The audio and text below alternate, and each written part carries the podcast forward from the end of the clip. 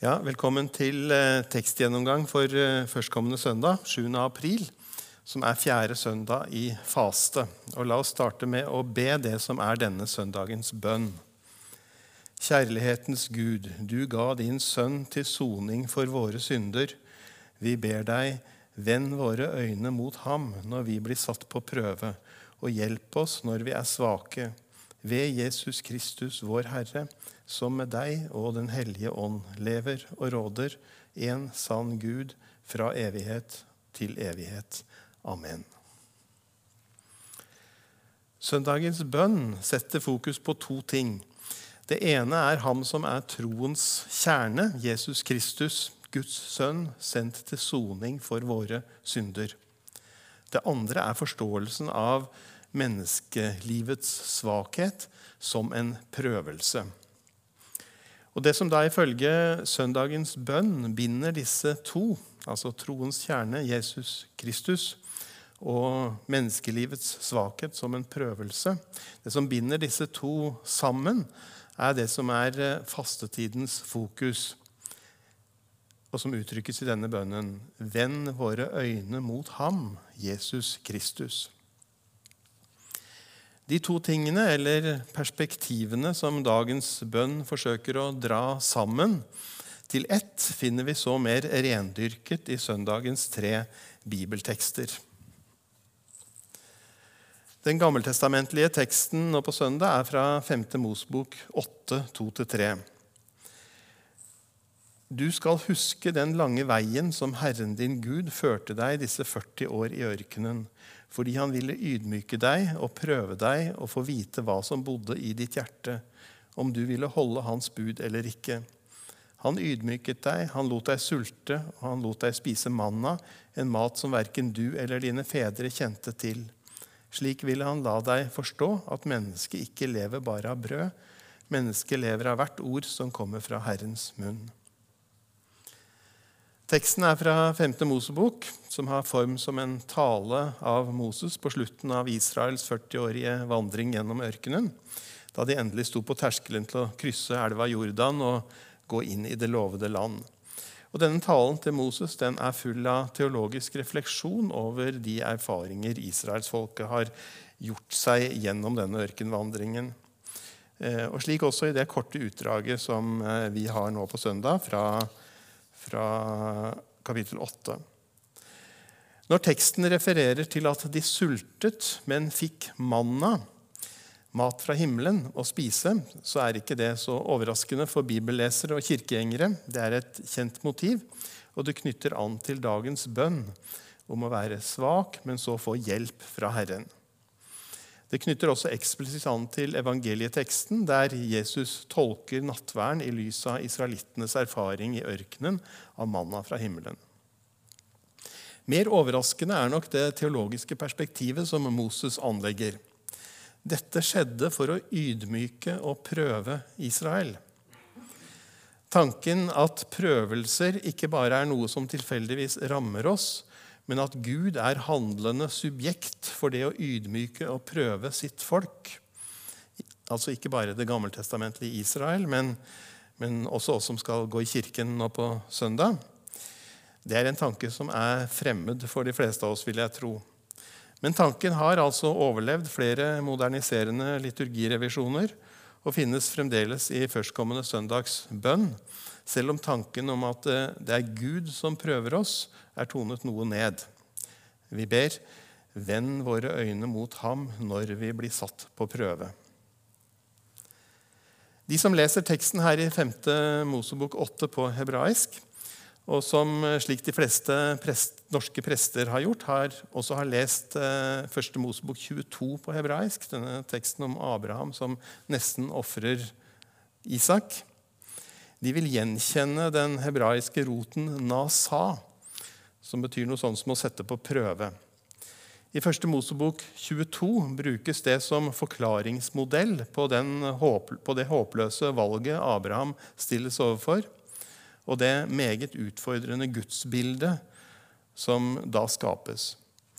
I søndagens tekst fra 5. Mosbok 8, 2-3 er ikke gudsbildet fullt så utfordrende.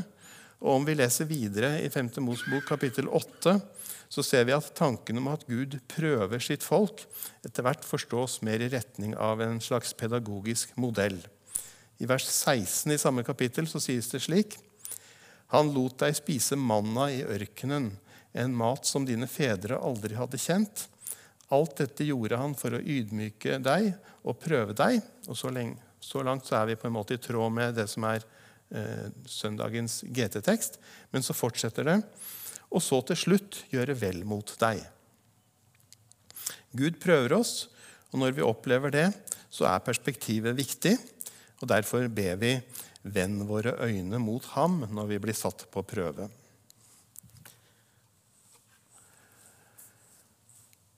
Epistelteksten nå på søndag er fra 1. Korinterbrev 10, 16-17. Velsignelsens beger som vi velsigner, gir det ikke del i Kristi blod. Brødet som vi bryter, gir det ikke del i Kristi kropp. Fordi det er ett brød, er vi alle én kropp, for vi har alle del i det ene brødet. Teksten er del av første halvdel av 1. Korinterbrev 10 sin bruk av fortellingen om Israels vandring i ørkenen som advarende eksempler. Og teksten sier de, de, altså Israel, skal lære oss å ikke ha lyst til det onde slik de hadde. Slik sett så bygger denne første delen av kapitlet en bro over til GT-teksten fra 5. Mosebok 8. Og Når neste del av 1. Korinterbrev 10 så glir over til å bruke GTs offerpraksis inn mot den kristne nadværfeiringen, så forlenges denne broen over til evangelieteksten i Johannes 6 og dens sakramentale forståelse av vinen og brødet som Jesus deler med sine venner. Vinen gir del i Kristi blod, og brødet gir del i Kristi kropp. Evangelieteksten er så hentet fra Johannes 6, 24-36. Da folk så at verken Jesus eller disiplene hans var der, gikk de i båtene og dro over til Kapernaum for å lete etter ham. De fant ham på den siden av sjøen og sa til ham, 'Rabbi, når kom du hit?' Jesus svarte, 'Sannelig, sannelig, jeg sier dere:" Dere leter ikke etter meg fordi dere har sett tegn, men fordi dere spiste av brødene og ble mette. Arbeid ikke for den mat som forgår, men for den mat som består og gir evig liv, den som menneskesønnen vil gi dere. For på ham har Far, Gud selv, satt sitt seil. Da sa de til ham, Hvilke gjerninger er det da Gud vil vi skal gjøre? Jesus svarte, Dette er den gjerning Gud vil dere skal gjøre. Tro på ham som Gud har sendt. Hvilket tegn gjør du, så vi kan se det og tro på deg? Hva vil du gjøre? spurte de. Våre fedre spiste manna i ørkenen. Slik det står skrevet, brød fra himmelen ga han dem å spise. Jesus svarte, sannelig, sannelig, jeg sier dere, Moses ga dere ikke brød fra himmelen. Det er min far som gir dere det sanne brødet fra himmelen. Guds brød er det brødet som kommer ned fra himmelen og gir verden liv. Da sa de til ham, 'Herre, gi oss alltid dette brødet.' Jesus svarte, 'Jeg er livets brød. Den som kommer til meg, skal ikke hungre, og den som tror på meg, skal aldri tørste.' Men jeg har sagt dere, ennå dere har sett meg, tror dere ikke. La meg dele to perspektiver i forhold til denne teksten. Det første er dens sterke fokus på Jesus. Nå er jo ikke det så veldig overraskende i Det nye testamentet, men det er eh, likevel ekstra sterkt eh, uttrykt her. Og det har et budskap inn i fastetiden. Dette er ikke en tid for åndelig selvrealisering eller selvsentrert oppmerksomhetstrening, men det er en tid med fokus på Jesus. Gjør et tegn, Jesus, så vi kan tro, sier disiplene, og peker på de to brødundrene.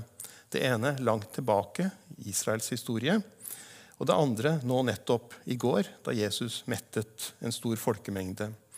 Gjør et tegn, Jesus, sier de. Gi oss brødet fra himmelen, det som gir liv. Men Jesus gjør ikke noe tegn. Han gir i stedet en tolkning av det de allerede har opplevd. En tolkning av seg selv som livets brød. Som et ekko av den sakramentale nadværforståelsen i epistelteksten i 1. Korinterbrev 10. Jeg er livets brød. Den som kommer til meg, skal ikke hungre, og den som tror på meg, skal aldri tørste. Så Det første jeg ser i denne teksten, det er den sterke fokus på Jesus.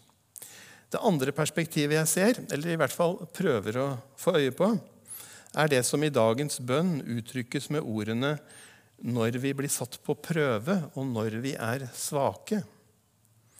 Og Jeg ser det i disiplenes og folkemengdens usikkerhet i møte med Jesus.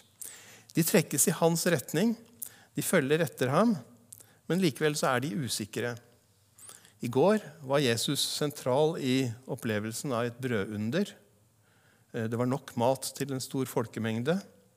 I natt så hadde de tolv disiplene sett Jesus komme gående på sjøen.